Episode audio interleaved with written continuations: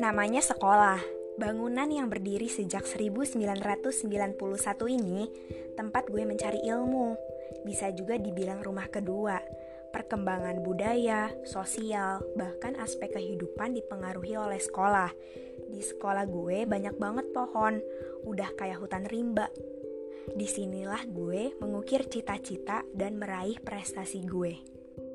Gue selalu mikir, kapan sih gue bisa masuk sekolah lagi? Apa kalian juga memikirkan hal itu? Jujur sih, gue jenuh banget di rumah. Tapi di balik itu, gue berkesempatan mengisi waktu yang ada untuk berkarya.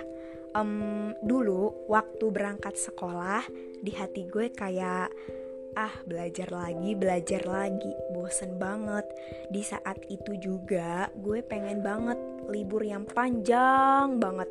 Yang bener-bener panjang. Karena emang lagi zaman zamannya banyak tugas banyak PR banyak beban.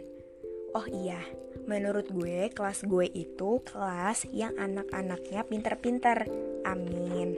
Dan kadang satu atau dua dari mereka, setiap mata pelajaran pasti ada aja yang nyeletuk, apa pun itu.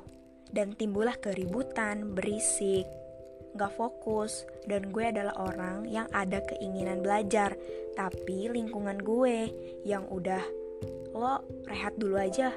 Jadi gue kalau belajar kadang fokus, kadang gak bener. Makasih banget buat salah satu temen gue kalau pulang sekolah sering banget traktir gue. Padahal ya, gue ada uang. Di traktirnya es krim yang harganya 3000 sampai 7000 rupiah. Nah, gue kangen banget sama bapak guru gue yang sering banget ke kelas atau bahkan manggil teman-teman gue untuk upacara di hari Senin ya boleh adik kelas, kakak kelas, atau bahkan teman seangkatan gue sendiri. Pasti ada aja yang ditahan sama anggota paskibra di gerbong kecil, panjang, warna hijau dekat kantin. Yang menurut gue gerbong itu gak usah dibuat deh. Kenapa? Karena gue dan teman-teman gue susah banget bawa makanan ke kelas karena gerbong itu. Di perbatasan kantin dengan gedung sekolah pasti ada aja guru yang duduk memantau di situ. Gue dan teman-teman gue nggak suka dan akhirnya kita mencari solusi gimana caranya makanan itu bisa lolos dari guru kita. Atau kalian ada yang lolos razia? Ya razia apa aja?